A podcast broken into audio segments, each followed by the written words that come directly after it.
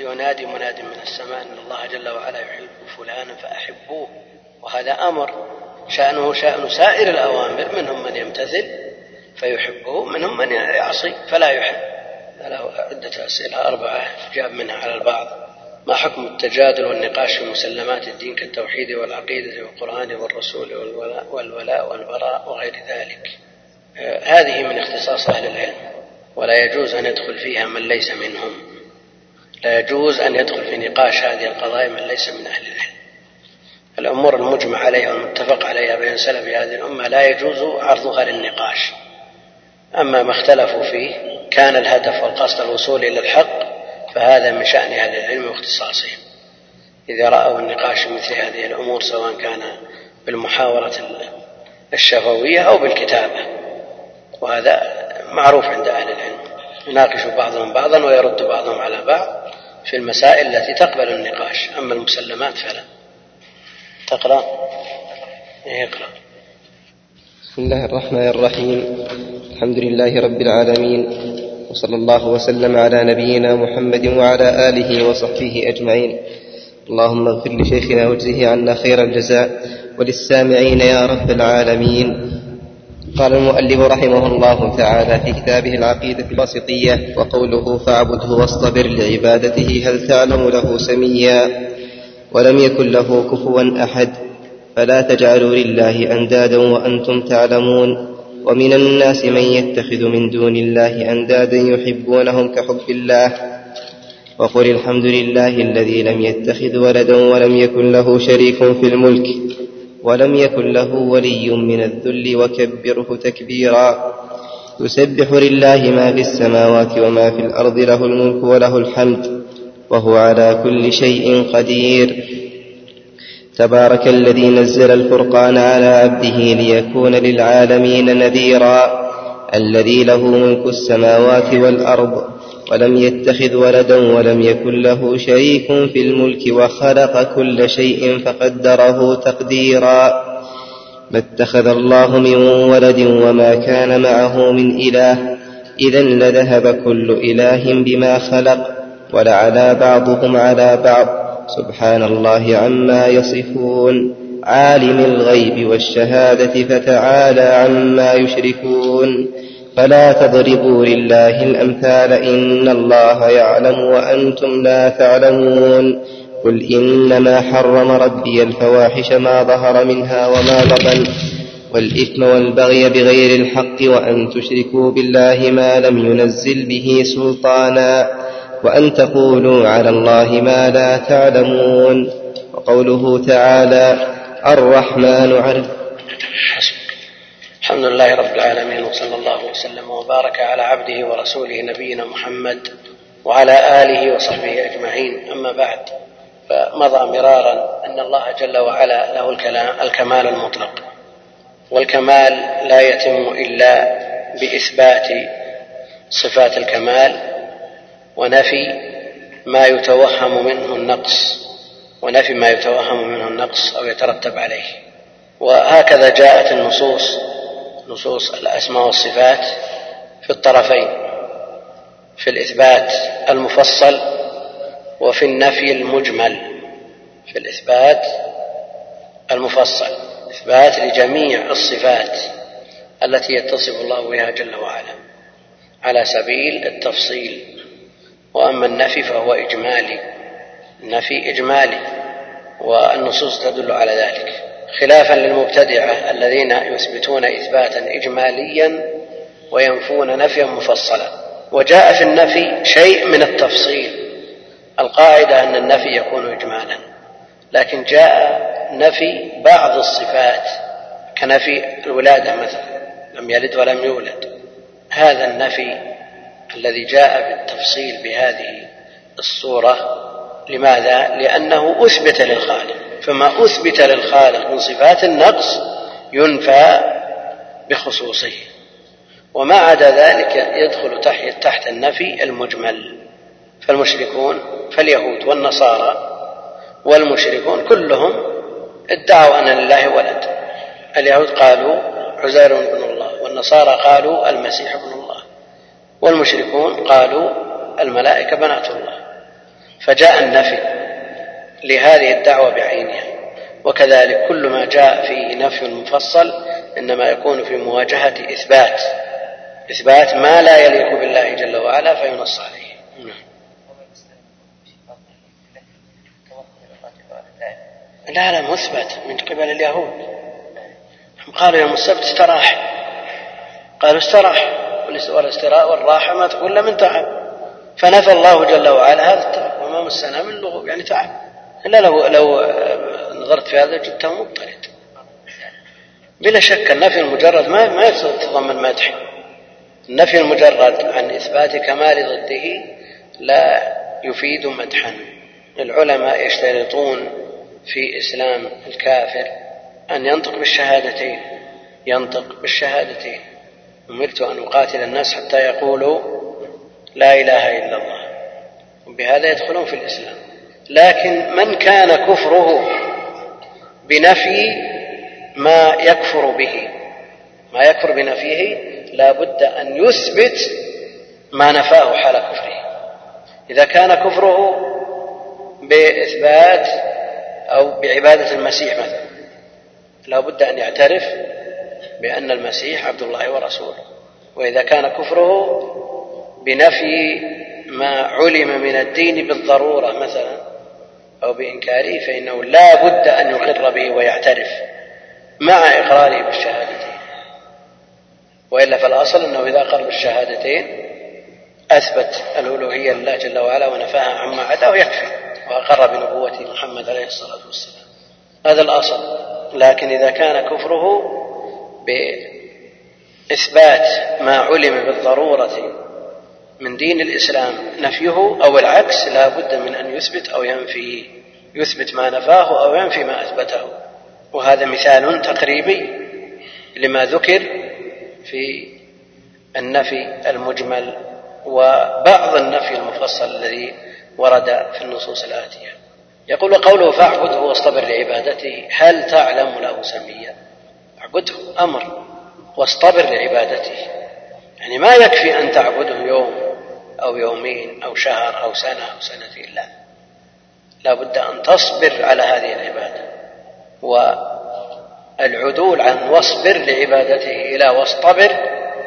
وأصل الطاء تاء. وجود تاء الافتعال الاصطبار هذه تدل على زيادة في المعنى وأنه لا بد أن يكون مع هذا الصبر مشقة ومكابدة مو بتصبر على الشيء السهل وتقول في النسبة بالنسبة لما يشق عليك ما جعل الله على في الدين من حرج. أو لا يكلف الله نفسا إلا وسعها. نعم ما جعل عليكم في الدين من حرج. الدين يسر ولا يشد الدين أحد إلا غلب لكن يبقى أن التكاليف التي أمرت بها لا بد من عملها. إلا شيء لا تستطيع فالذي لا تستطيعه يسقط لكن بعض الناس يتذرع بأدنى مشقة ويقول ما جعل عليكم في الدين من حرج. كلام ليس بصحيح الجنة حفت بالمكاره. فاعبده واصطبر لعبادته. لا بد من الصبر والاصطبار عليها حتى يأتيك اليقين. فأنت مخلوق لهذا الهدف هو تحقيق العبودية لله عز وجل. ولا بد من الاستمرار فيها حتى الموت حتى الموت. وبعض ولاة الصوفية يرون أنه إذا وصل إلى حد معين ووصل إلى المكاشفة وتجلت له الأمور لا يحتاج إلى إلى عبادة لأن هذه أمور يطالب بها العامة وأشباه العامة. أما الخواص فيرفع عنهم التكليف ولا نعلم في الشرع من يرفع عنه التكليف بعد أن كلف إلا المجنون. فإذا وصلوا إلى هذا الحد نعم يرفع عنهم التكليف الذي هو الجنون. فاعبده واصطبر لعبادته. هل تعلم له سميا هل تعلم له سميا استفهام إنكاري. استفهام إنكاري. يعني لا تعلم له سميا أي نظيرا وشبيها ويقال مساميا كما يروى عن ابن عباس رضي الله عنهما هل تعلم له سميا مثيلا أو شبيها؟ هل تعلم له سميا؟ يعني لا تعلم له سميا.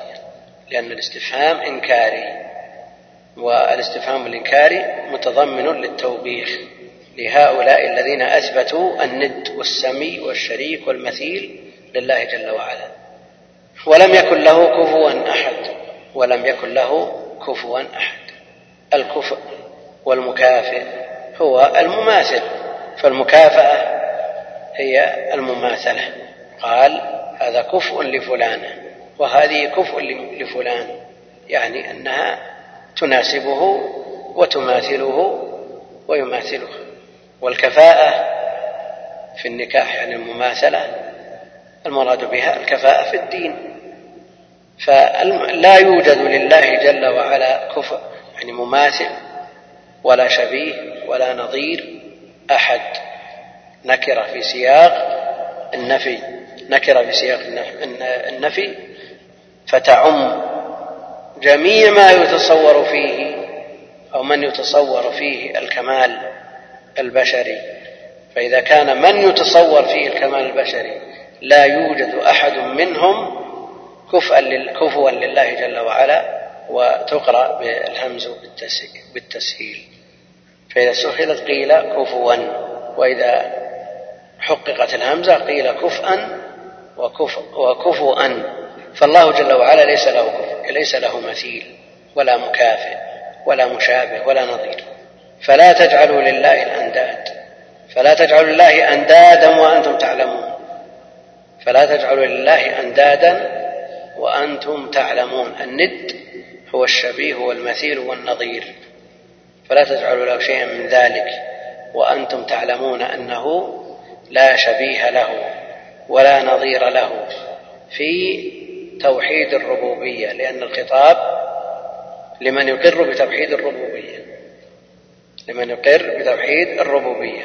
فكما أنكم تعتقدون أنه لا ند له في الخلق والرزق فلا ند له في الألوهية ولا في أسمائه ولا صفاته وأنتم تعلمون أنه ليس له ند وأيضا اندادا نكرة في سياق النهي فتعم أيضا فلا يوجد ند لله جل وعلا في جميع ما يتعلق به سبحانه وتعالى لا في الربوبية ولا في الألوهية ولا في أسمائه وصفاته ولا في أحكامه وشرائعه.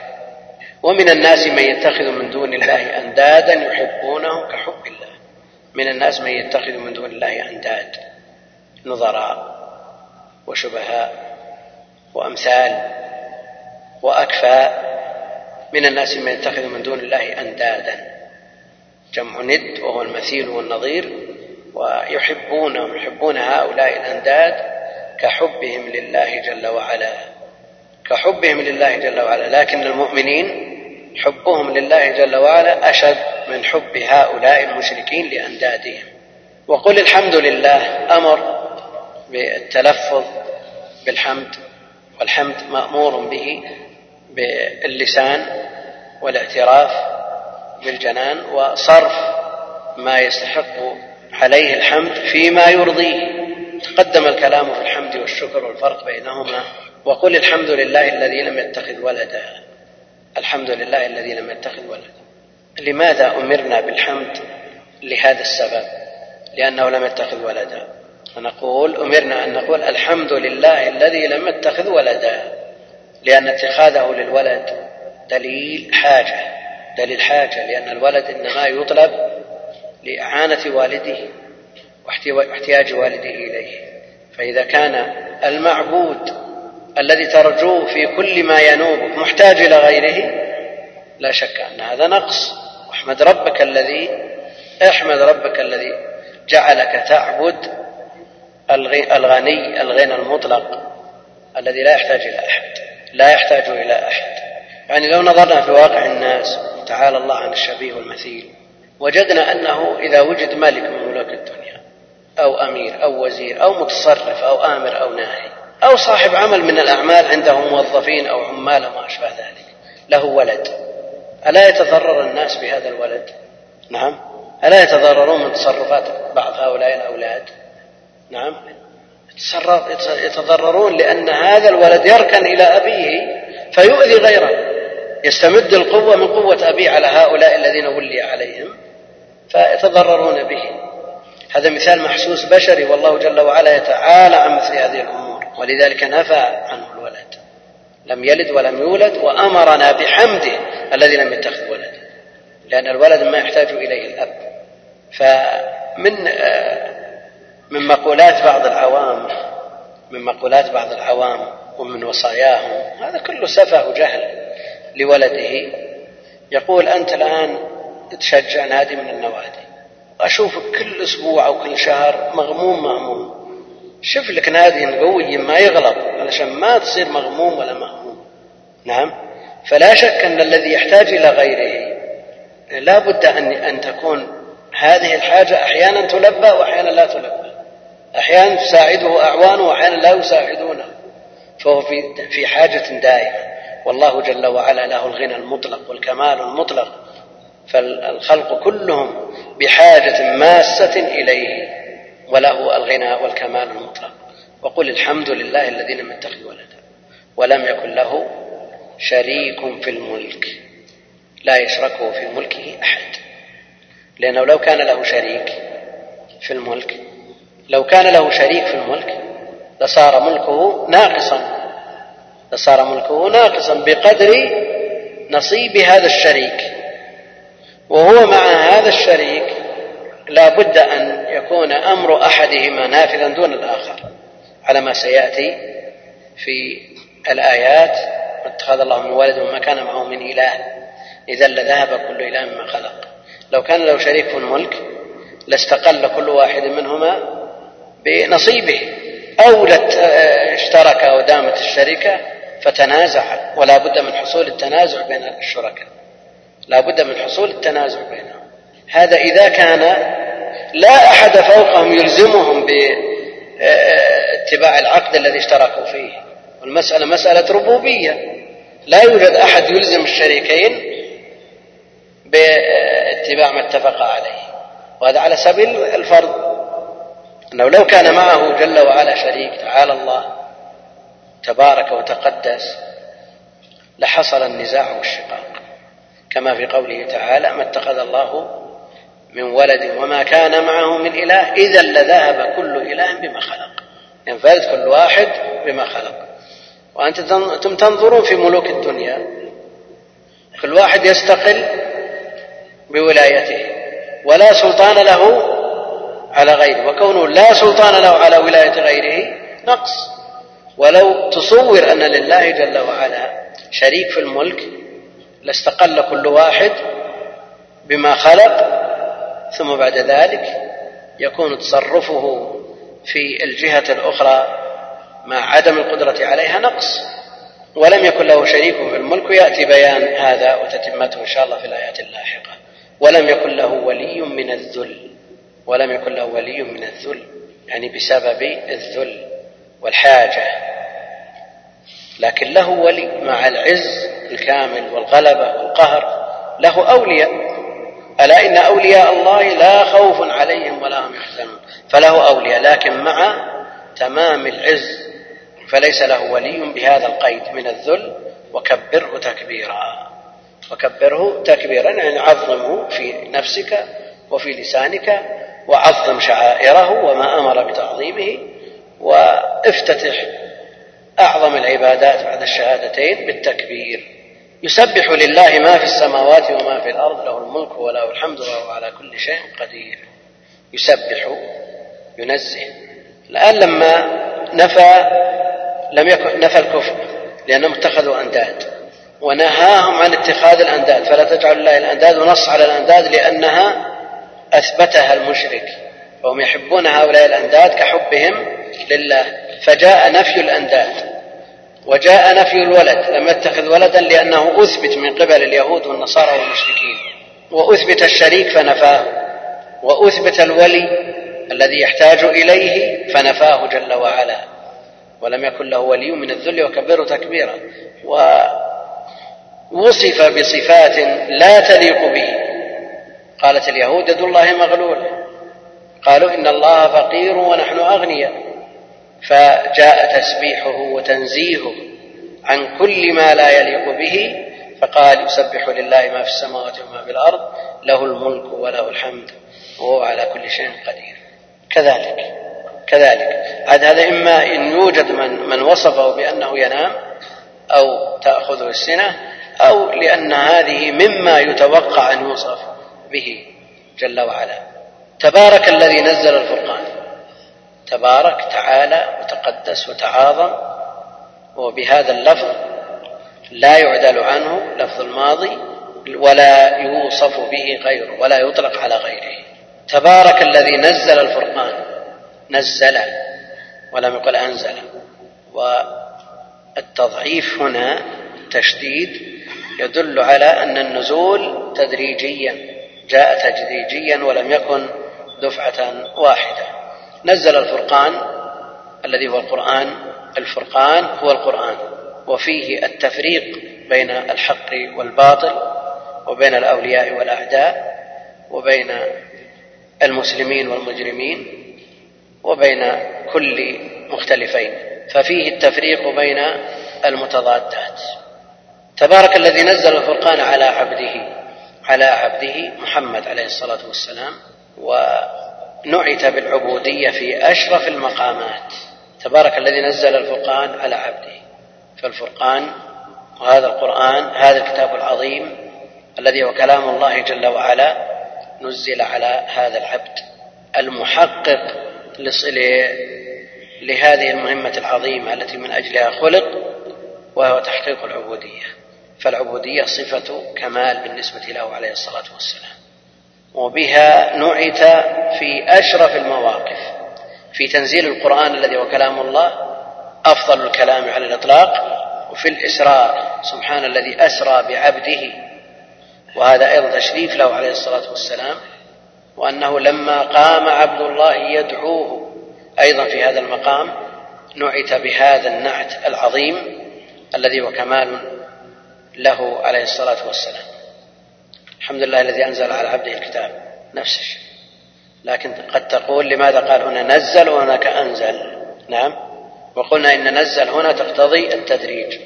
وما دام عرف التدريج وعرف أنه نزل, نزل نجوما أو منجما على 23 سنة فكونه أنزله الإنزال حصل. الإنزال حصل. وصفة هذا الإنزال أيضا عرف من نصوص أخرى. تبارك الذي نزل الفرقان على عبده ليكون للعالمين نذيرا. نذير فعيل بمعنى منذر. منذر لهم والمنذر التي يأتي بالنذارة التي يخوفهم بها من سوء العاقبة من سوء عاقبة أفعالهم. فهو منذر للكفار أن لا يموتوا على كفرهم فيخلدوا في النار. وينذر الفجار والعصاة أن لا يموتوا على الإصرار على معاصيهم. فيعرض أنفسهم لعقوبة الله جل وعلا وغضبه فهو منذر ونذير وهو أيضا مبشر يأتي بالبشارة لمن أطاع الله جل وعلا واستقام على الجادة الذي له ملك السماوات والأرض الذي نزل الفرقان الذي له الملك وهما صفتان لله جل وعلا تنزيل الفرقان الذي نزل الفرقان. هذا نعت أو بدل أو بيان قوله الذي له الذي له ملك السماوات والأرض. صفة لله جل وعلا الذي نزل الفرقان.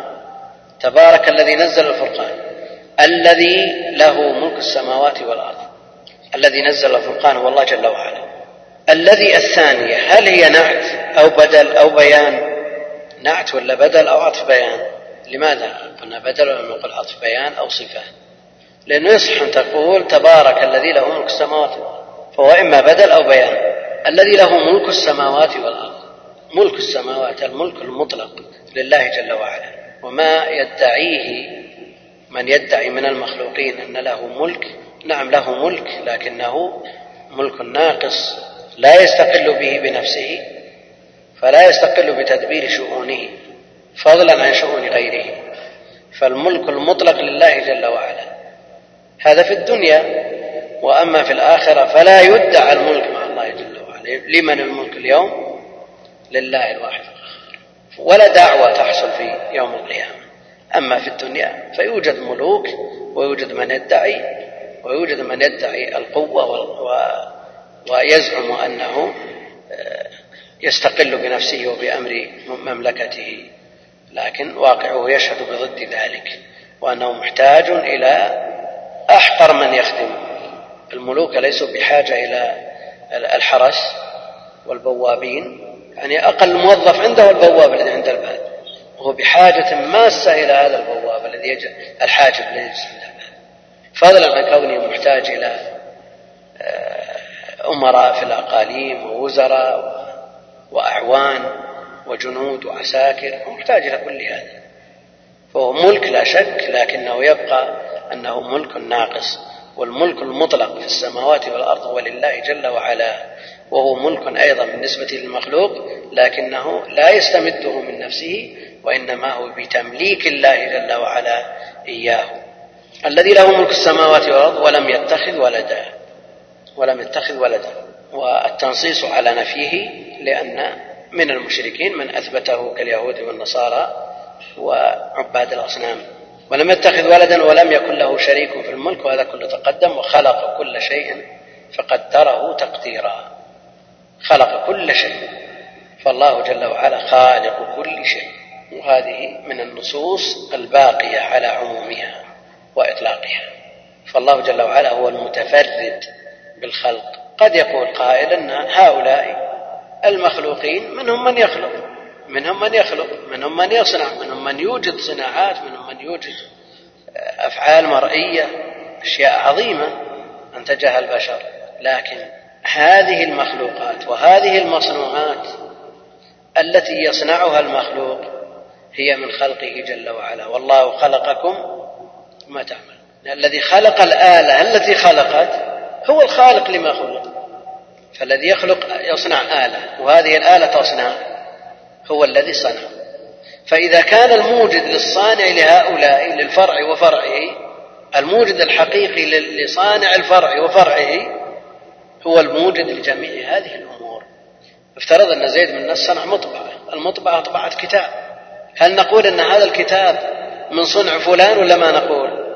لأنه هو الذي صنع المطبعة. نعم من صنعه. فإذا كان الله جل وعلا هو صانع الصانع وهو خالق هذا العمل. الله جل وعلا هو خالق موجد هذا العمل.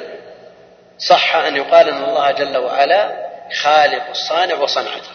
ولذا يقول الله جل وعلا والله خلقكم وما تعملون. فالكل خلقه.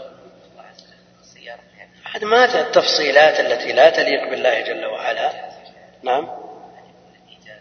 التفصيلات التي لا تليق بالله جل وعلا. المسألة مسألة إجمال في مثل هذه الأمور. فكل مخلوق الله الخالق مثل ما يقول تقول هذه السيارة خلقها الله جل وعلا. نقول الله خلقكم وما تعملون. بدون تفصيلات. ما له داعي لأن بعض التفصيلات فيها ما يشعر بالنقص. لأن هذه المصنوعات فيها نقص. على كل حال مثل هذه الأمور لا يسترسل فيها. ولكن من حيث التقعيد هذا حاصل لقول الله جل وعلا والله خلقكم وما تعمل وخلق كل شيء فقدره تقديرا.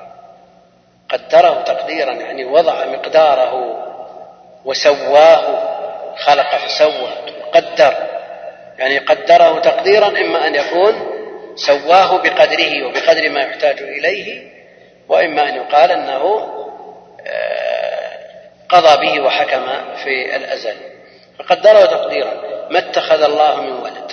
هنا أيضا نفي للولد لأنه جاء على ألسنة متعددة وفي شرائع متتابعة إثبات الولد لله جل وعلا على ألسنة المخالفين مثل ما قال الله جل وعلا عن اليهود وعن النصارى وعن المشركين ما اتخذ الله من ولد وما كان معه من إله. ما اتخذ الله من ولد ما نافية من ولد ولد نكرة في سياق النفي فيعم. وأدخلت من؟ لتأكيد النفي. وما كان معه مع الله جل وعلا من إله. إله نكرة في سياق النفي وتعم وإدخال من عليها لتأكيد العموم أو لتأكيد النفي. إذا لذهب كل إله بما خلق. ولعلى بعضهم على بعض سبحان الله عما يصفون. تشاهدون أنتم في الواقع أن الدنيا كلها أقاليم. الأرض مقسومة إلى أقاليم. ودول وكل واحد مستقل بدولته. إذا لذهب كل إله بما خلق يعني بما الله جل وعلا خالق الجميع ولا يشك في هذا أحد. لكن لو افترضنا أن الله جل وعلا معه من إله معه إله آخر إذا لذهب كل إله بما خلق. لأننا نفترض في الثاني أنه يخلق ولا ما صار إله؟ وإذا كان يخلق لا بد أن ينفرد بما خلق. إذا لذهب كل إله بما خلق. على أرض الواقع كل دولة لها ملك كل دولة لها رئيس. وكل رئيس مستقل بدولته. لكن ما الذي يمنع الرئيس هذا من أن يسطو على الدولة الثانية فيضمها إليه؟ نعم العجز. هو عاجز عن أن يضم جميع البلدان إليه. وإلا إذا وجد فرصة سنحت له فرصة ورأى في نفسه القوة والقدرة على ضم أكبر قدر ممكن إلى مملكته يتأخر ولا ما يتأخر؟ ما يتأخر. لكن يمنعهم العجز. وهنا يقول إذا لذهب كل إله بما خلق. يستقل. وعند القدرة على ضم شريك ضم ما يملكه شريكه إليهم لن يتأخر. ولا على بعضهم على بعض. إذا انفرد كل إله بما خلق. وصار متكافئين. كل واحد لا يسطع على الثاني لأنه ليست لديه القدرة إذا لديه عجز وإذا كان لديه عجز فلا يستحق أن يكون إلها. إذا افترضنا أن مع الله جل وعلا تبارك وتعالى معه إله آخر. الاحتمال الأول إذا لذهب كل إله بما خلق. ينفرد كل واحد ينفصل بما خلق. وما الذي يمنع هذا من أن يسطو على هذا وما خلق؟ عدم القدرة. وما الذي منع الثاني أن يسطو؟ عدم القدرة هذا الاحتمال الأول. إذا كل منهما متصف بالعجز فلا يصلحون آلهة. الاحتمال الثاني ولعلى بعضهم على بعض. يصير أحدهما أقوى من الثاني ولعلى بعضهم على بعض. فيكون أحدهما أقوى من الثاني فيستولي على الثاني وما تحت يده. فينفرد بالربوبية والألوهية. إذا لا يتصور وجود إلهين. والعلماء يذكرون ما يسمى بدليل التمانع. دليل التمانع. بدليل التمانع لإثبات الانفراد بالألوهية والربوبية. لأنه لو افترض إلهين افترضنا إلهين كما جاء في الآية. لذهب كل إله بما خلق وما الذي يمنع أحدهما من من الاستيلاء على الثاني والانفراد إنما هو العجز. والعاجز لا يصح أن يكون إلها. إذا كلهم يصحون إلها. إذا على بعضهم على بعض فاستولى أحدهم على الآخر تفرد بالألوهية والربوبية دليل التمانع هنا إذا افترضنا إلهين افترضنا إلهين ما الذي ينفذ حكمه على الجميع؟ إن افترضنا التساوي وأنه لا ينفذ حكم أحدهم على الآخر فهذا دليل عجز احدهما عن الآخر. وإذا افترضنا نفوذ حكم أحدهم على الآخر انفرد بالألوهية كما جاء في الآية. ويقول العلم أن هذه الآية فيها على فيها برهان دليل التمام ولا على بعضهم على بعض سبحان الله عما يصف تنزيه لله جل وعلا عما يصف به المشركون الذين يزعمون أن له ند وأن له شريك وأن له ولد وأن له كفر. إيه؟ من الناس من يتخذ. من دون هذا إنكار. إنكار لمحبة المشركين لأندادهم كحبهم لله. فوجد صفة المحبة. صفة المحبة وجدت من المشركين لآلهتهم كحبهم لله. فنفيت هذه المحبة. هذا الإنسان من كل وجه. أو النقص ظاهر فيه. لن يخلقوا ذبابا ولو اجتمعوا له. لو أطبق الخلق كلهم على خلق ذباب ما استطاعوا. ذباب أحقر المخلوقات. وإن يسلبهم الذباب شيئا يعني وش يسلب الذباب؟ وش تصورون يسلب الذباب من الإنسان شيء؟ يعني بشيء لا تراه العين المجردة لا بد من مكبرات لنرى هذا الذي سلبه هذا الذباب. فتجد هذا الحقير يسلب أعظم المخلوقين. ملك من الملوك يقع عليه ويأخذ منه شيء. يسلبه شيء. وتجد هذا يحشد جميع قواته. ما يستطيع أن يخلص هذا الشيء الذي سلبه هذا الذباب. لو اجتمع كل من على الأرض ما استطاعوا. لماذا؟ قالوا لأن الذباب يفرز مادة تتلف ما يسلبه مباشرة. فإذا توقعنا إذا تصورنا هذا في الذباب فكيف ما فوقه يذهب إلى مكان لكن أبحث في الشرايين الموصلة من المخ إلى العين. كم فيها منها؟ يسوون هذا ولا ما يسوون؟ يسوون امور إجمالية يركبون بعضها على بعض وتمشي وتجي لكن هل هذه تصنع مثل ما يصنع الإنسان؟ هذا ما يمكن إطلاقا ما يمكن. يعني من الأمور التي تحير أحيانا تحير من نظره قريب آه، هذه الآلات الكمبيوترات ولا الصناعات الدقيقة مثلا تجد أنه يخزن في قرص بقدر الكف آه، عشرات ألوف المجلدات وتضغط ويعطيك بسرعة قالوا أن هذا أكبر من حافظة البشر. كيف أكبر من حافظة البشر؟ هذا أصلا ماذا لو تبي تخطئ؟ أدنى خطأ ما أسعفك بشيء. وجد من البشر من يحفظ أضعاف ما في هذه الآلات. فقدرة الخالق. وبعدين من الذي صنع هذه الآلة؟ من الذي صنع الذي صنع هذه الآلة؟ يقول الشيء يختل آه، عرق من عروقه أو عصب من عصباته في أدنى اهتزاز أو تحرك يفقد كل ما صنع نعم. عاجز عاجز ما هو إله؟ ويستقل الثاني بالألوهية. إذا لا بد أن يكون الإله واحد. في النهاية النتيجة لا بد أن يكون الإله واحد. لكن من هذا الواحد؟ هو الخالق الرازق المحيي المميت المدبر المستحق للربوبية والألوهية. في إيش؟ الثاني عاجز. كل الاحتمالات في عاجز. والنتيجة يكون واحد المتفرد واحد. سبحان الله عما يصفون تنزيه لله جل وعلا عما يصف به المشركون. نعم. احتمال أن يوجد على كل حال القاعدة عند أهل العلم أنه النفي الإجمالي هذا الأصل فيه. وما ذكر من نفي تفصيلي إما أن يوجد من قال به وقد عرفنا من قال ببعضه وإذا لم نجد إما لقصورنا أو لاحتمال أن نقول أنه يتصور من يقول به أو قد يغلب على الظن وجود من يقول به. على كل حال الأصل في الإثبات تفصيلي والإجمال آه، والنفي إجمالي خلاف ما يقوله المبتدع. فهم يثبتون إثباتا إجماليا وينفون نفيا مفصلا. والإثبات الإجمالي لا يمكن تصوره في الأعيان وإن تصور في الأذهان. عالم الغيب والشهادة فتعالى عما يشرك. الله جل وعلا يعلم الغيب. ولا يعلم الغيب أحد إلا الله جل وعلا. لا نبي مرسل ولا ملك مقرب.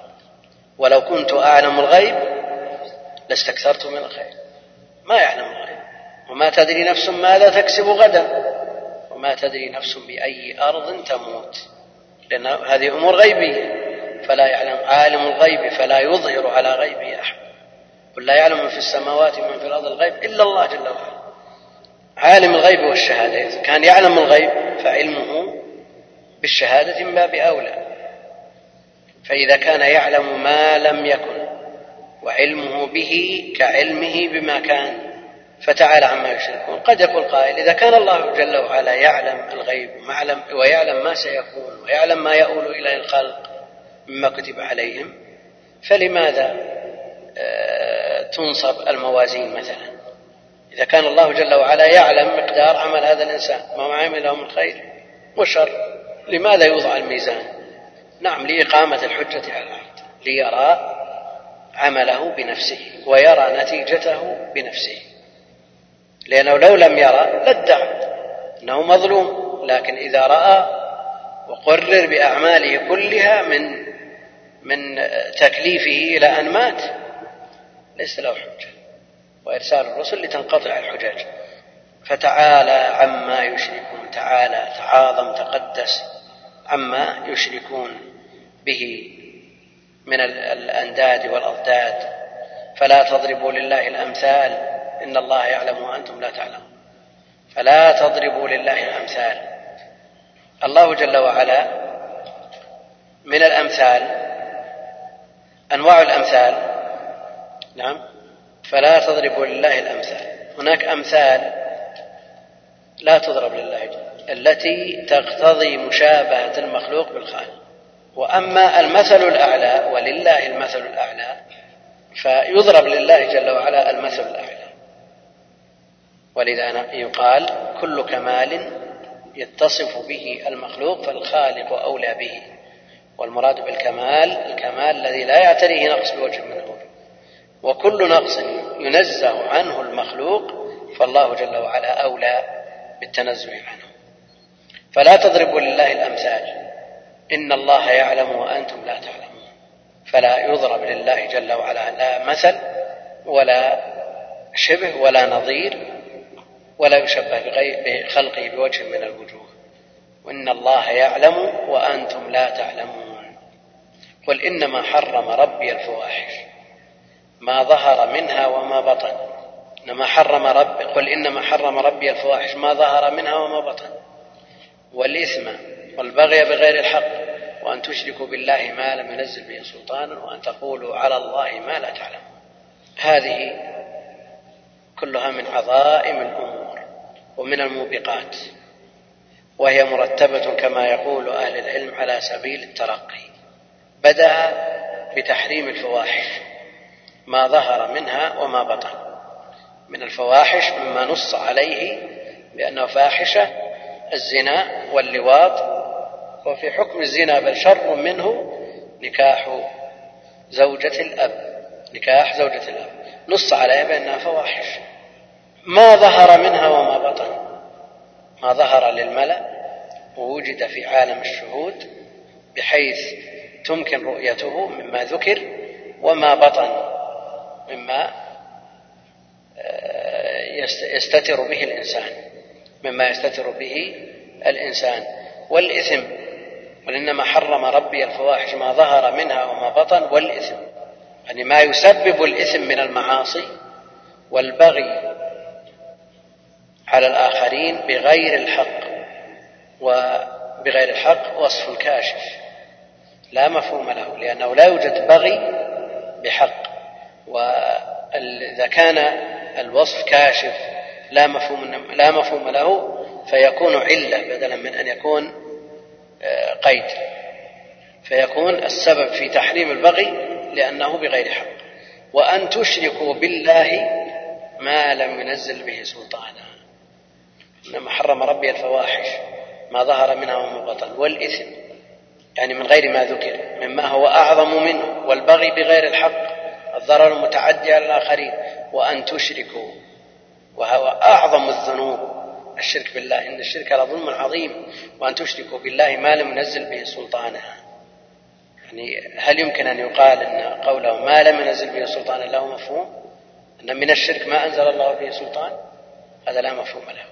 ومثل ما تقدم وصف كاشف يكون علة للحكم وليس بقيد. وأن تشركوا بالله ما لم ينزل به سلطانا برهانا منه جل وعلا على جوازه. وأن تقولوا على الله ما لا تعلمون وهذا أعظمها قرر أهل العلم أن القول على الله بغير علم أعظم الذنوب بعد الشرك. فالذي يقول على الله ما لا يعلم قلنا إن الله اتخذ ولد مثلا. قال على الله بغير علم. وكل من يقول على الله بغير ما جاء عنه فقد قال عليه بغير علم. ومن أفتى بغير علم فقد دخل في هذه الآية وكذب على الله جل وعلا. من وصفه بغير ما وصف به نفسه قال على الله بغير علم. من نفى عنه ما أثبته لنفسه قال على الله بغير علم. من نفى عنه ما أثبته لنفسه قال على الله بغير علم. من أفتى بخلاف ما جاء عنه عن النبي عليه الصلاة والسلام فقد قال على الله بغير علم. ومن عظائم الأمور أن ينسب الولد لله جل وعلا. قالوا اتخذ الرحمن ولدا. ها لقد جئتم شيئا تكاد السماوات يتفطرن منه. وقلب من يدعي الإيمان ويدعي العلم ويدعي طلب العلم لا يتحرك ويسمع مثل هذه الدعاوى. بل قد يسمعها حيا من هذه القنوات. يسمع هذه الدعوة في قنوات النصارى حية ولا, ولا يتحرك في ساكن. السماوات تكاد أن تتفطر من هذا الخبر. كل هذا لأننا لأن الإنسان استمر وصار يسمع ولا ينكر فصار ما يتحرك فيه شيء غيرة لله جل وعلا. نسأل الله السلامة والعافية. ونقف على قوله رحمه الله الرحمن على الاستواء. آية الاستواء السبع. نعم. يعني أسهل ثم أشد ثم أشد ثم أشد. هذا أعظم. قرر العلم أن القول على الله بغير علم أعظم من الشرك. عند ابن القيم وغيره قرر أنه أعظم من الشرك. من أنواعهما وأعظم من الشرك. السلام عليكم ورحمة الله وبركاته. سم.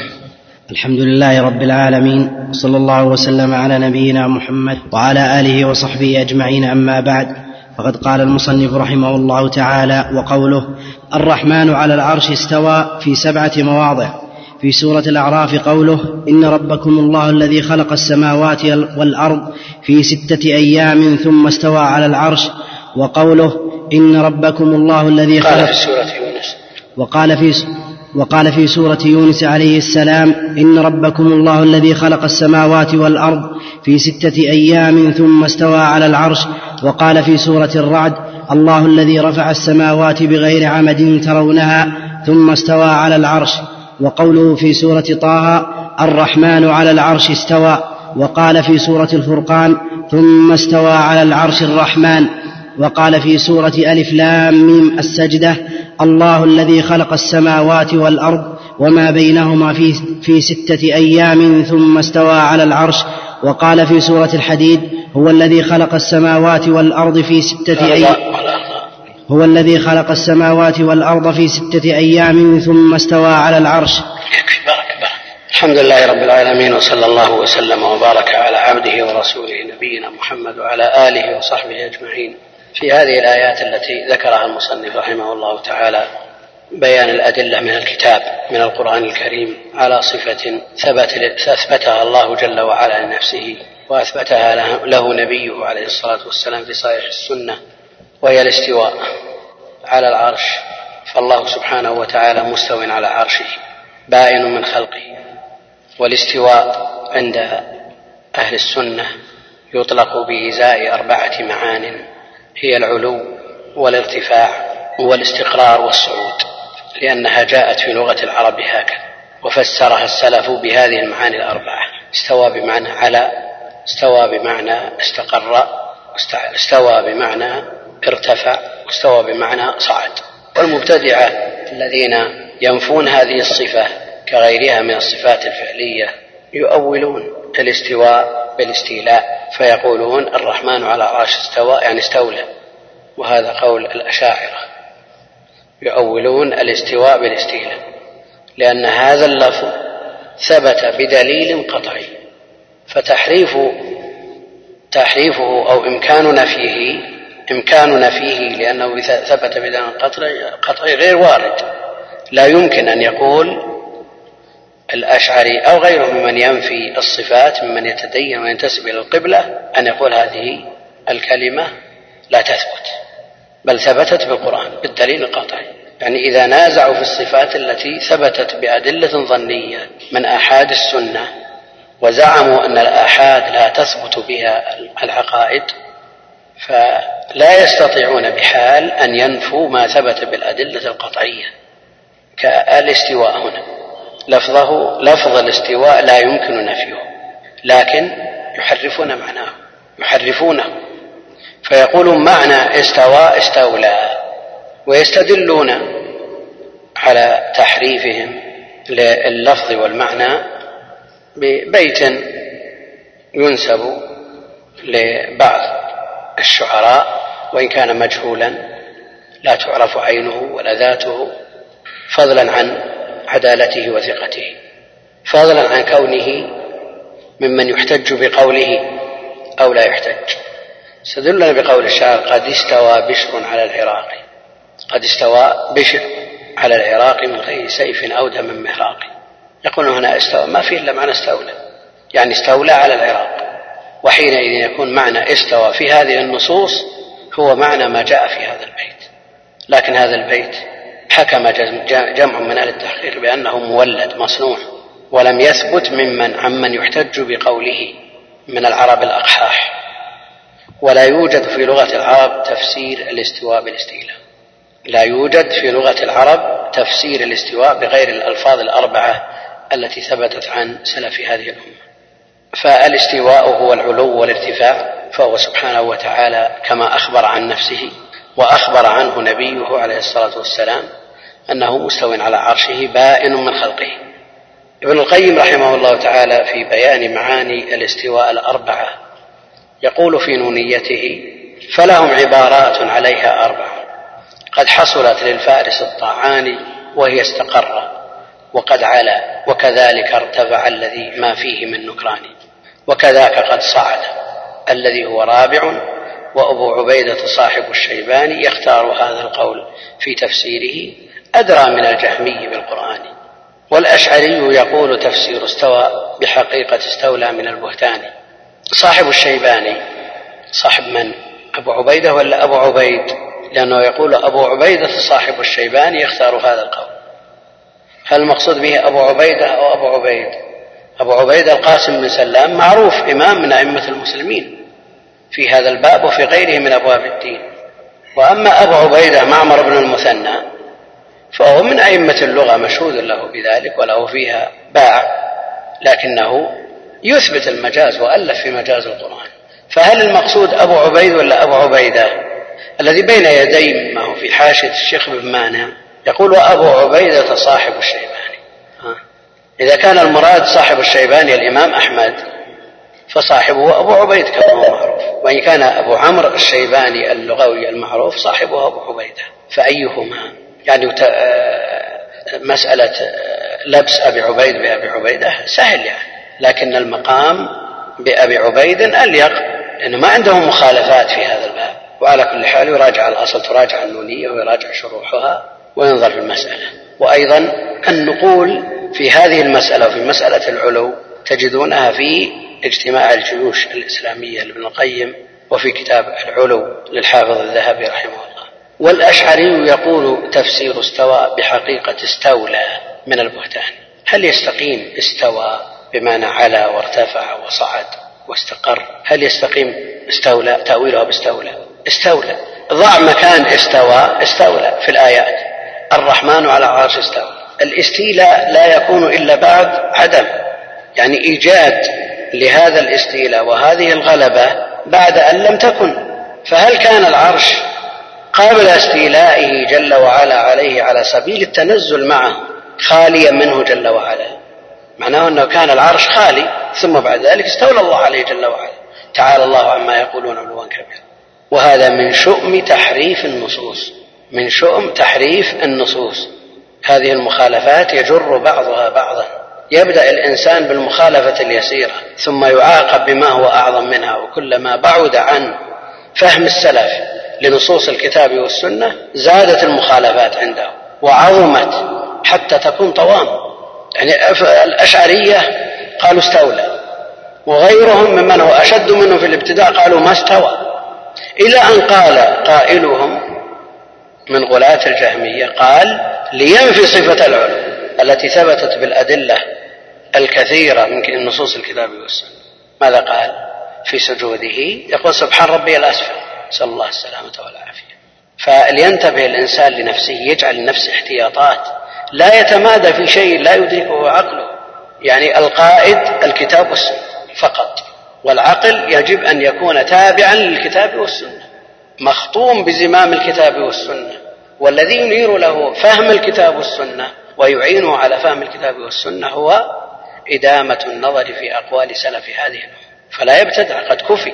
في حاشية الشيخ ابن مانع رحمه الله تعالى يقول تنبيه قد وقع في بعض الكتب وقع في بعض الكتب التي زعم مؤلفوها أنها على مذهب السلف عبارة باطلة عبارة باطلة. وهي كما في رسالة نجاة الخلف في اعتقاد السلف قال فالله تعالى كان ولا مكان ثم خلق المكان.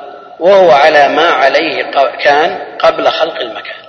يقول رسالة عندنا هذا معي الآن. نجاة الخلف في اعتقاد السلف. هذا الكلام صحيح العنوان صحيح. نجاة الخلف تكون باعتقاد السلف. آه، قال فالله تعالى كان ولا مكان ثم خلق المكان.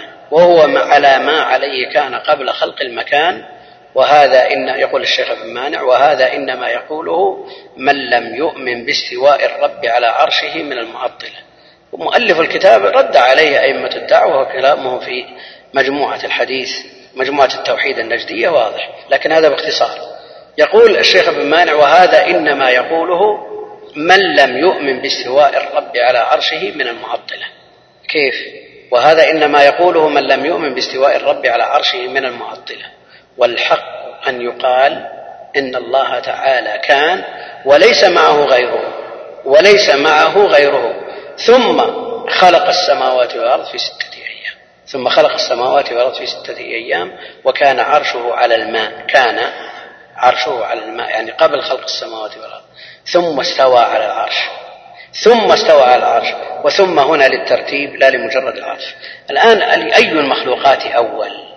أول ما كتب الله القلم قال له اكتب قال ما أكتب إلى آخره. أول ما خلق الله القلم قال له اكتب. هل هذه تعني أولية مطلقة؟ أو أن القول قيل أول ما خلق القلم؟ وعلى هذا فلا يلزم أن يكون القلم أول مع أن الخلاف موجود بين أهل العلم فيها.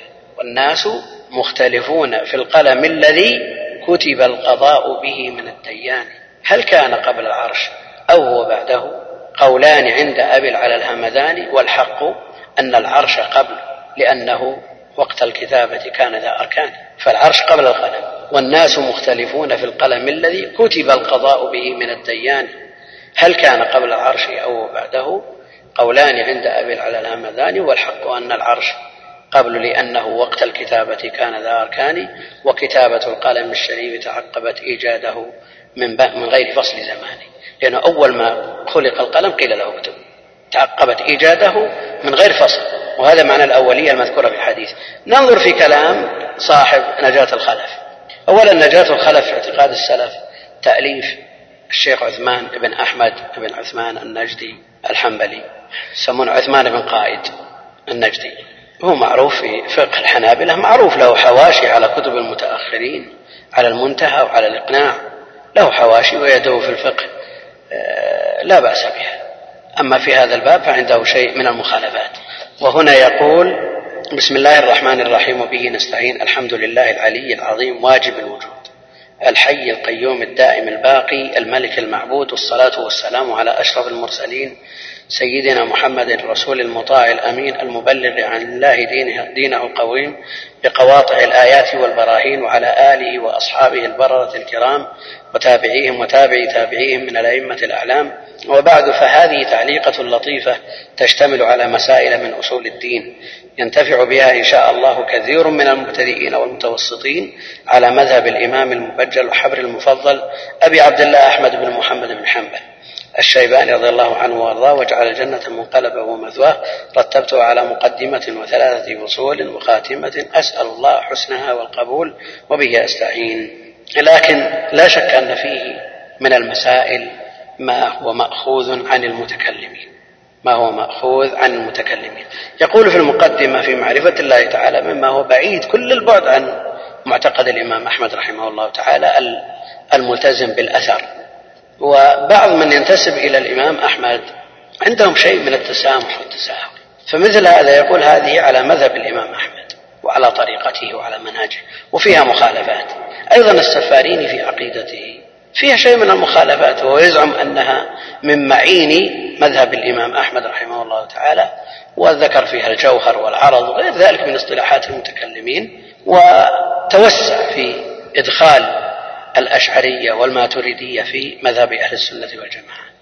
وقال إن مذهب أهل السنة والجماعة ثلاث فرق الأثرية وإمامهم الإمام أحمد بن حنبل والأشعرية وإمامهم أبو الحسن الأشعري والماتريدية وإمامهم أبو منصور. على كل حال هذا توسع لكنه غير مرضي غير مرضي. المقدمة في معرفة الله تعالى فتجب معرفة الله تعالى شرعا بالنظر في الوجود والموجود. على كل مكلف قادر وهو أول واجب له تعالى. وأول نعم الله الدينية وأعظمها آه، أن أن أقدره على معرفته. وأول نعم الله الدنيوية الحياة العلية عن ضرر. وشكر المنعم واجب شرعا واعترافه بنعمته على جهة الخضوع والإذعان وصرف كل نعمة في طاعته. ويجب الجزم لأنه تعالى واحد فرد صمد عالم عالم بعلم قادر بقدرة مريد بإرادة حي بحياة سميع بسمع بصير ببصر متكلم بكلام وبأنه تعالى ليس بجوهر ولا, ولا جسم ولا عرض ولا تحله الحوادث. يعني النفي والإثبات في الجوهر والعرض هل هو مأثور عن سلف هذه الأمة؟ لا العلماء ردوا على السفارين حينما قالوا ليس ربنا بجوهر ولا عرض. نعم ردوا عليه.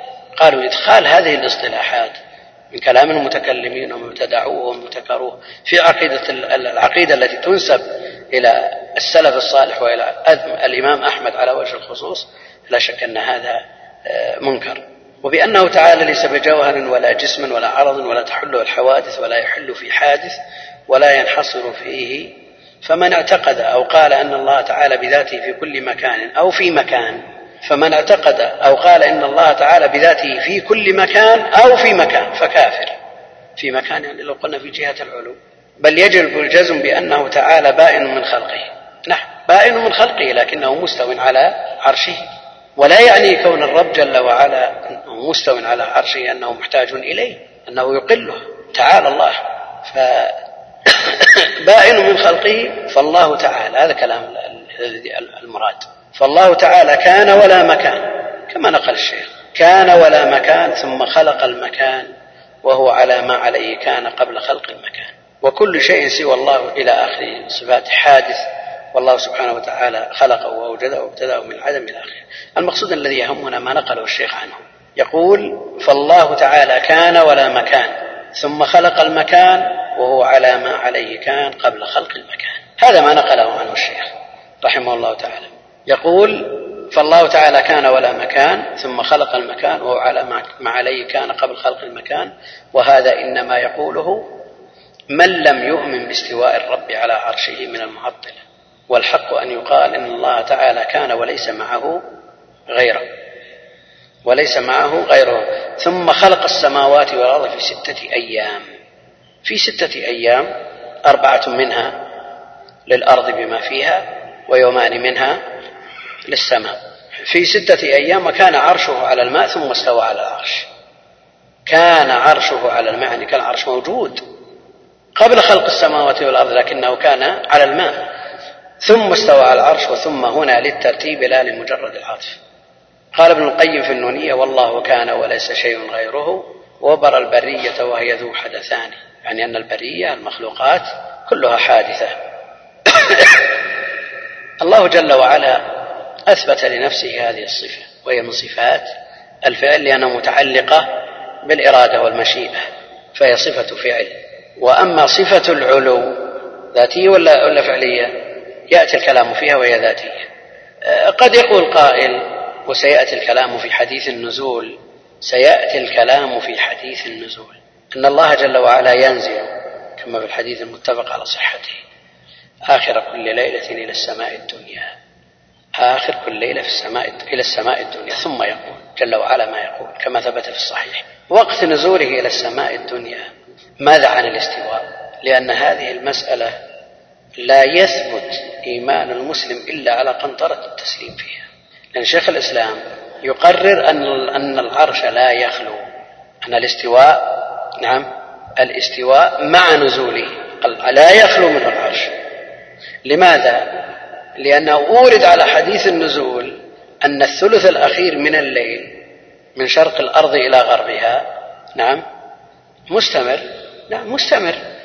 إذا انتهى الثلث الليل الأخير من هؤلاء انتقل إلى هؤلاء إلى هؤلاء إلى المغرب. إذا هل يمكن الاستواء مع النزول؟ أن هذه الشبهة ومثل هذه الشبهة لا يجوز أن تلقى على عامة الناس لأنهم لا يدركونها.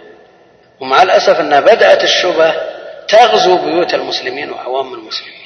لكن نؤمن بجميع ما جاء عن الله جل وعلا أنه مستو على عرشه بائن من خلقه ومع ذلك ينزل في كل آخر إذا كان هذا متصور في المخلوق فكيف بالخالق؟ أنه ينزل كل ليلة ولا يخلو منه العرش. كيف المخلوق جاء في الحديث الصحيح أن الشمس تسجد تحت العرش آخر كل ليلة. نعم؟ وتستأذن. هل تخرج من مغربها أو مشرقها هذا في الحديث الصحيح. لكن هل الشمس تغيب عن مدارها طول اليوم؟ فنؤمن بهذا ونؤمن بهذا.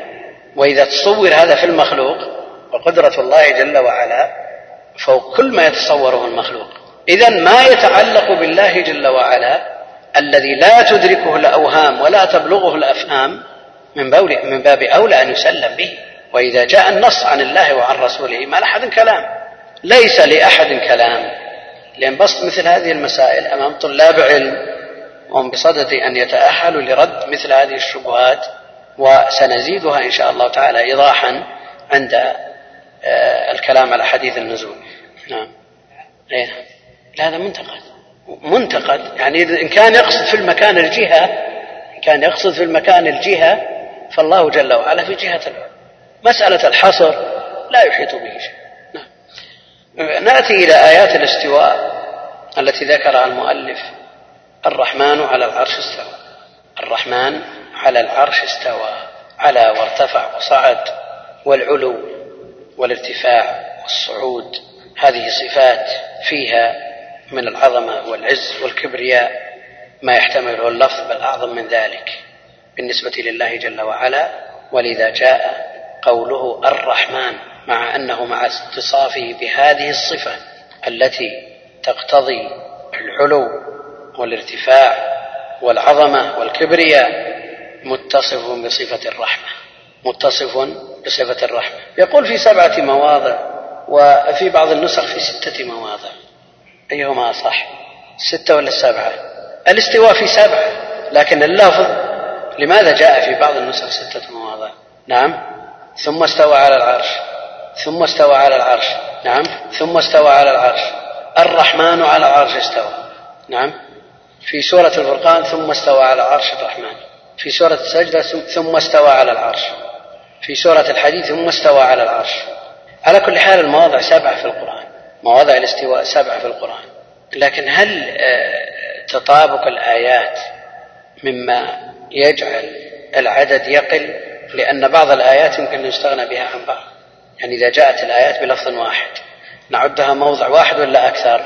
يعني ولا تطابقت. هل العدد للألفاظ أو للفظ الاستواء الذي هو المقصود؟ يعني ما وجه كونها ستة في بعض النسخ؟ نعم. الرحمن على استوى يعني بهذا اللفظ ستة. نعم. يعني ما عد هذه الآية. يعني كأنه قال وقوله الرحمن على العرش استوى وفي وفي ستة مواضع غير هذا الموضع. إيه لكن ذكر آية طه بعد ذكره الستة المواضع نعم. لا بعده يعني ما ذكر طه مرة ثانية. لا عندنا مذكورة. وقال في سورة طه الرحمن على العرش استوى. قال في سورة طه الرحمن على العرش استوى. على كل حال إذا أردنا لفظ استوى فهو سبعة مواضع وإذا أردنا ثم استوى على العرش فهي ستة. وعلى كل حال المسألة كيف ماذا نستفيد من قولنا ستة مواضع سبعة مواضع؟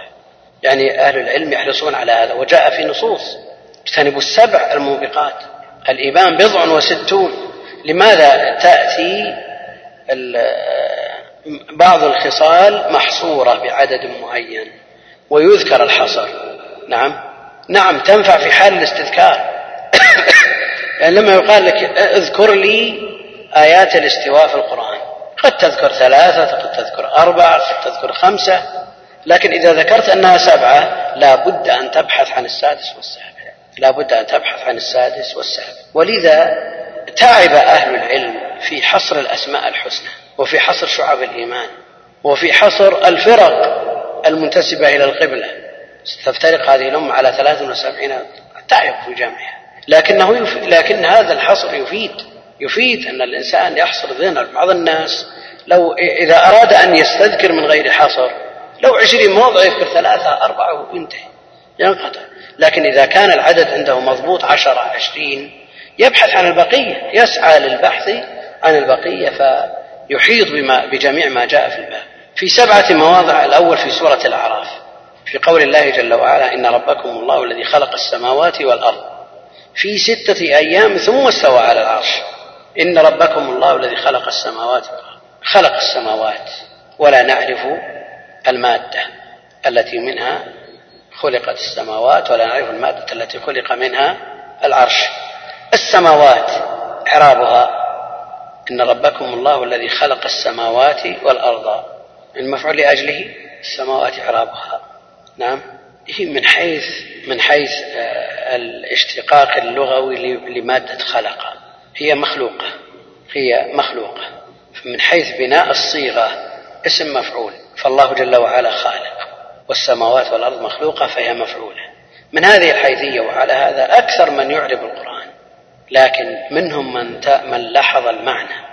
معنى المفعول عندهم عند النحاة المفعول الذي يقع عليه فعل الفاعل. الخلق وقع على السماوات والأرض أو وقع بها. يعني هل كانت موجودة ثم فعل بها الخلق؟ ولذا يقول بعضهم إن السماوات مفعول مطلق. خلق أن ربكم الله الذي خلق خلقا هو السماوات والأرض فهي مفعول مطلق. وهو متجه من حيث المعنى. كيف؟ إن ربكم الله الذي خلق خلقا. خلق خلقا. مفعول مطلق. هذا الخلق مترجم بالسماوات والأرض. من حيث المعنى. وإلا لو عرفت المفعول عند النحاة هو الذي وقع عليه فعل الفاعل نعم لما تقول ضرب زيد عمرا ضرب المادة التي هي الضرب حصلت من الضارب وهو زيد على المضروب وهو عمرو فوقع على عمرو الذي هو المفعول فعل الفاعل الذي هو زيد لكن هل وقع على السماوات والأرض آه، فعل الخلق؟ هل كانت موجودة ثم فعل بها هذا هذه المادة التي عليها الخلق؟ وين؟ لا إذا قلت مفعول مطلق من حيث المعنى متصور. متصور إن الله إن ربكم الله الذي خلق خلقا. ما هذا الخلق؟ هو السماوات والأرض.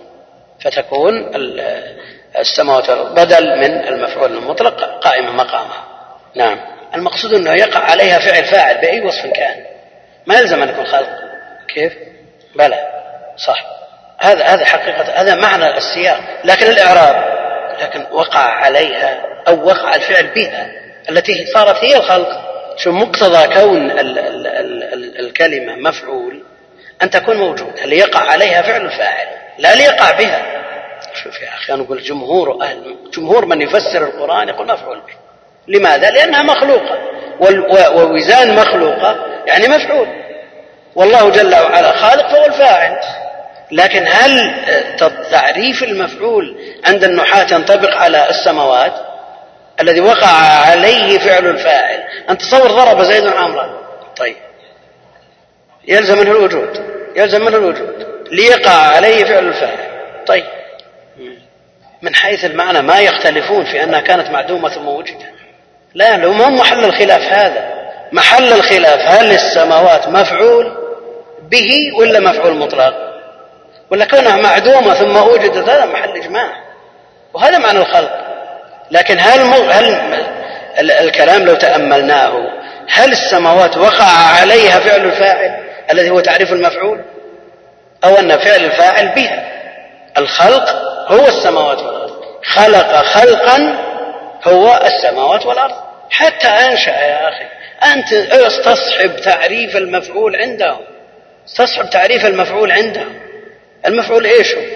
الفاعل الذي وقع منه الفعل. المفعول الذي وقع عليه الفعل. ومقتضى هذا أن يكون موجودا. وإذا لم يكن موجودا ما صار مفعول به. لو راجعت كلام ابن هشام في مغني اللبيب عرفت إن ربكم الله الذي خلق السماوات والأرض في ستة أيام ثم استوى على العرش. وقال في سورة يونس إن ربكم الله الذي خلق السماوات والأرض في ستة أيام ثم استوى على العرش. وقال في سورة الرعد الله الذي رفع السماوات بغير عمد ترونها ثم استوى على العرش. الله الذي رفع السماوات.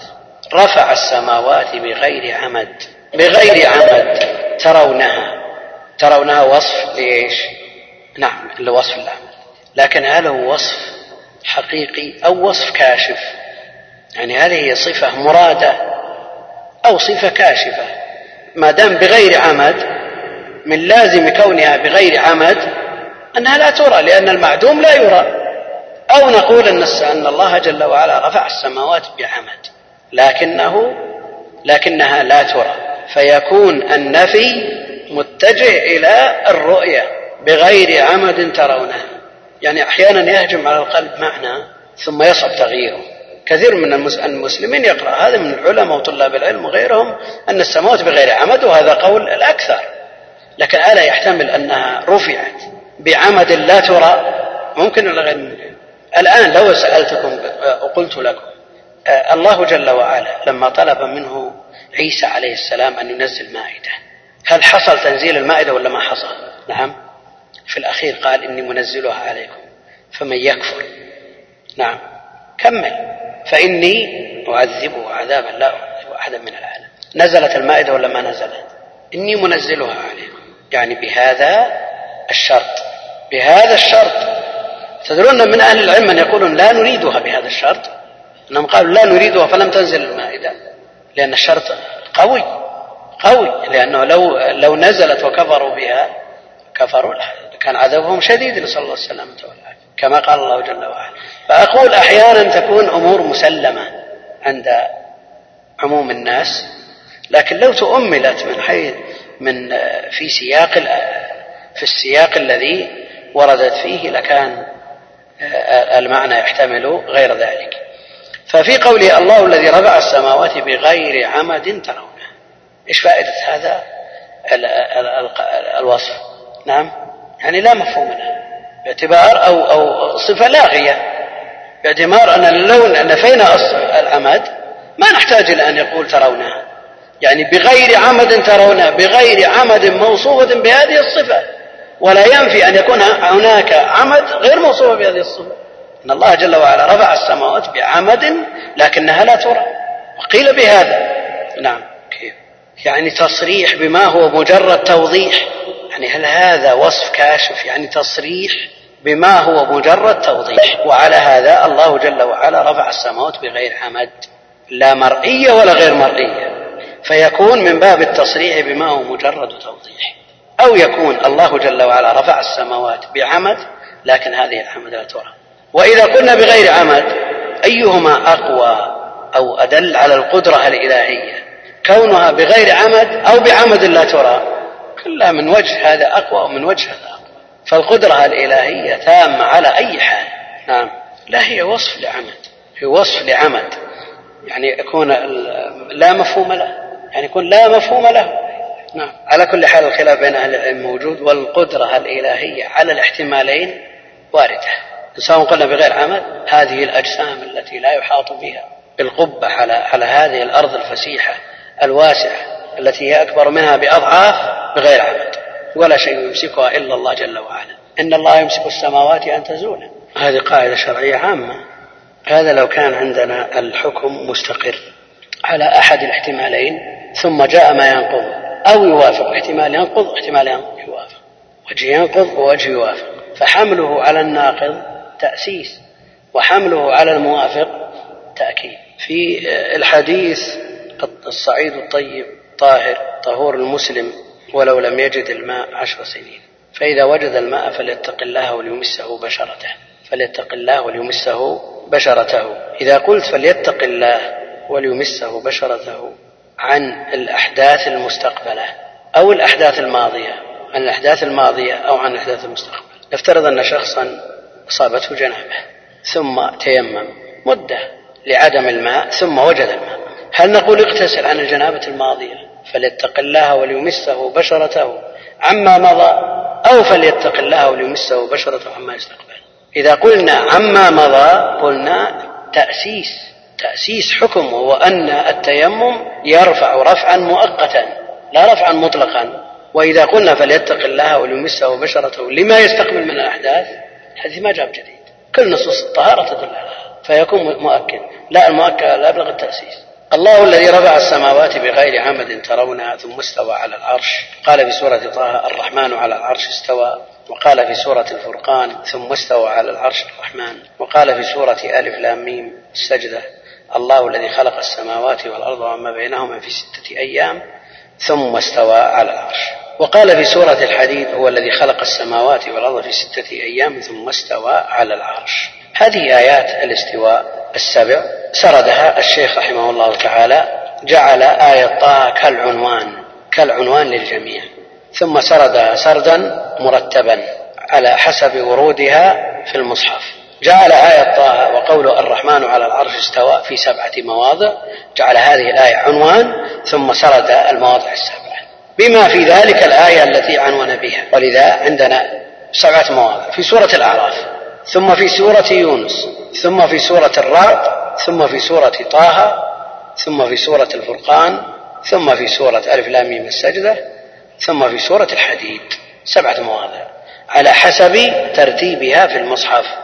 في منظومة الشيخ عبد الله بن عدوان للواسطية ومر ذكرها مرارا وتكلمنا عنها في بداية الدرس بداية شرح الكتاب. هي منظومة دالية جيدة قوية متينة. وينقل عنها الشيخ ابن مانع وهو شخص الشيخ متأخر جدا يعني ما مات إلا من يمكن أربعين أو سنة ممكن. المقصود أنها أنه متأخر مما يدل على وجودها أنها موجودة. يقول في سبعة مواضع قال في قوله في سبعة مواضع وقد بينها ابن عدوان في نظمه لهذه العقيدة فقال وذكر استواء الله في كلماته على العرش في سبع مواضع فاعددي ففي سورة الأعراف ثمة يونس وفي الرعد مع طه فللعهد فللعد أكدي وفي سورة الفرقان ثمة سجدة كذا في الحديد فافهمه فهم مؤيد فلو بحث عن هذه المنظومة يعني منظومة متينة وقوية ويستفاد من حفظها فلو بحث عنها وأظن ما أظن الرياض ما حول الرياض يخلو منها. نعم. العدوان يعني هو مترجم في علماء نجد. الشيخ البسام ما أدري والله عاد وأنا ما اعتنيت بهذا ولا أمرها يمكن يسير يعني. لو سئل عنها المعرفة والخبرة عندنا سياق الآيات ثم استوى على العرش ثم استوى على العرش ثم استوى على العرش الرحمن على العرش. استوى. يعني تقديم المعمول على العامل يدل على الحصر. وقال في سورة الفرقان ثم استوى على العرش الرحمن. يعني قدم العامل والمتعلق به المعمول على الفاعل الذي هو الرحمن. للاهتمام بالمعمول لإفادة الحصر. كما في قوله جل وعلا إياك نعبد وإياك نستعين. الله الذي خلق السماوات والأرض وما بينهم في ستة أيام ثم استوى على العرش. معروف السماوات مضبوطة بالكسر لأنه جمع مؤنث سالم والأرض منصوب معطوف عليه منصوب بالفتحة. ثم بعد ذلك قوله هو الذي خلق السماوات والأرض في ستة أيام ثم استوى على العرش ثم بعد ذلك نصوص العلو. نصوص العلو. ونقف عليه ونشوف بعض الأسئلة. عد عدوان سؤال طويل هذا.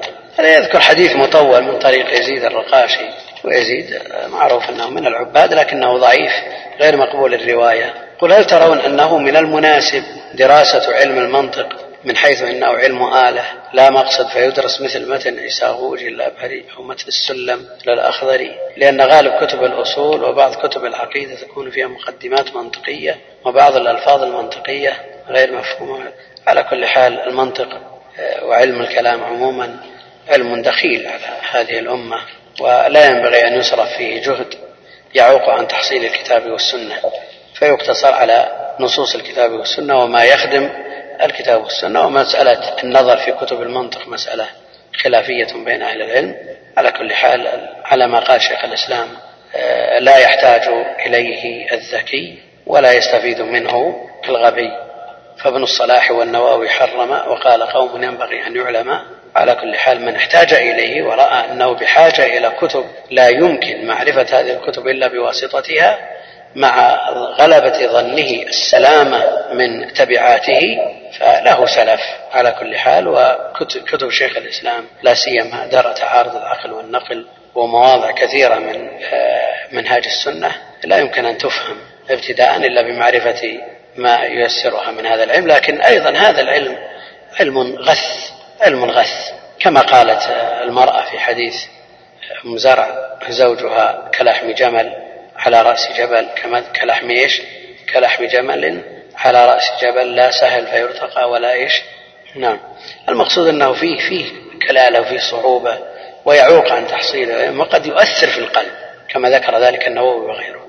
يقول ألا نقول أن ترونها تعود على السماء؟ لكن السماء مرئية ولا غير مرئية؟ مرئية. فترونها يعود خلق السماوات ترونها بغير عمد ركيكة السلام عليكم ورحمة الله وبركاته. في الدرس الماضي ذكرنا أبيات من النونية فيها معاني الاستواء.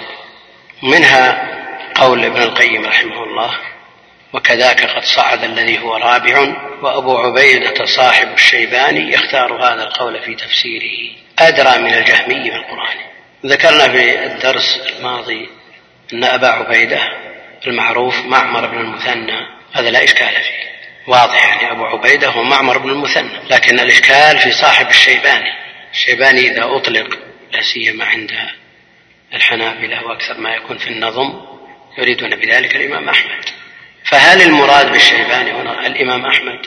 أبو عبيدة معمر بن المثنى ليس بصاحب للإمام أحمد. ويختلف معه في بعض المسائل. لو كان المراد أبو عبيد القاسم بن سلام نعم صاحب الإمام أحمد ومعروف ومشهور من أئمة أهل السنة. لكن إما أن يكون الشيباني غير الإمام أحمد أو أبو عبيدة غير أبو عبيدة معمر بن مثنى فيكون المراد أبو عبيد مع أن البيت ينكسر. إلا لو قلنا وأبو عبيد صاحب الشيباني يحتمل. المقصود أن أبو عبيدة هو أبو عبيدة معمر بن المثنى. بدليل أن ابن القيم رحمه الله تعالى في كتابه اجتماع الجيوش الإسلامية. يعني ما يمكن الوصول إلى الحقيقة من خلال النونية. نونية نظم قال فيها مثل ما سمعتم. فالمسألة مسألة النظر في معاني لا نظر في ألفاظ. بعض الناس يهجم إلى ذهنه أن الشيباني الإمام أحمد وأبو عبيدة معمر بن مثنى ثم تريد تلفق بين الرجلين. ما تستطيع. ما تستطيع. أولا أبو عبيدة هو أبو عبيدة معمر بن مثنى بدون تردد. يعني ما نحتاج إلى أن نقول أبو عبيدة والقاسم بن سلام بدليل أن ابن القيم رحمه الله تعالى في اجتماع الجيوش الإسلامية على غزو المتعطلة والجهمية قال هنا أقوال أئمة اللغة العربية الذين يحتج بقولهم فيها ذكر قول أبي عبيدة معمر بن المثنى. ذكره البغاوي عنه في معالم التنزيل في قوله تعالى ثم استوى إلى السماء قال أبو عبيدة صعد. وحكاه عنه ابن جرير عند قوله تعالى ثم استوى على عرش الرحمن.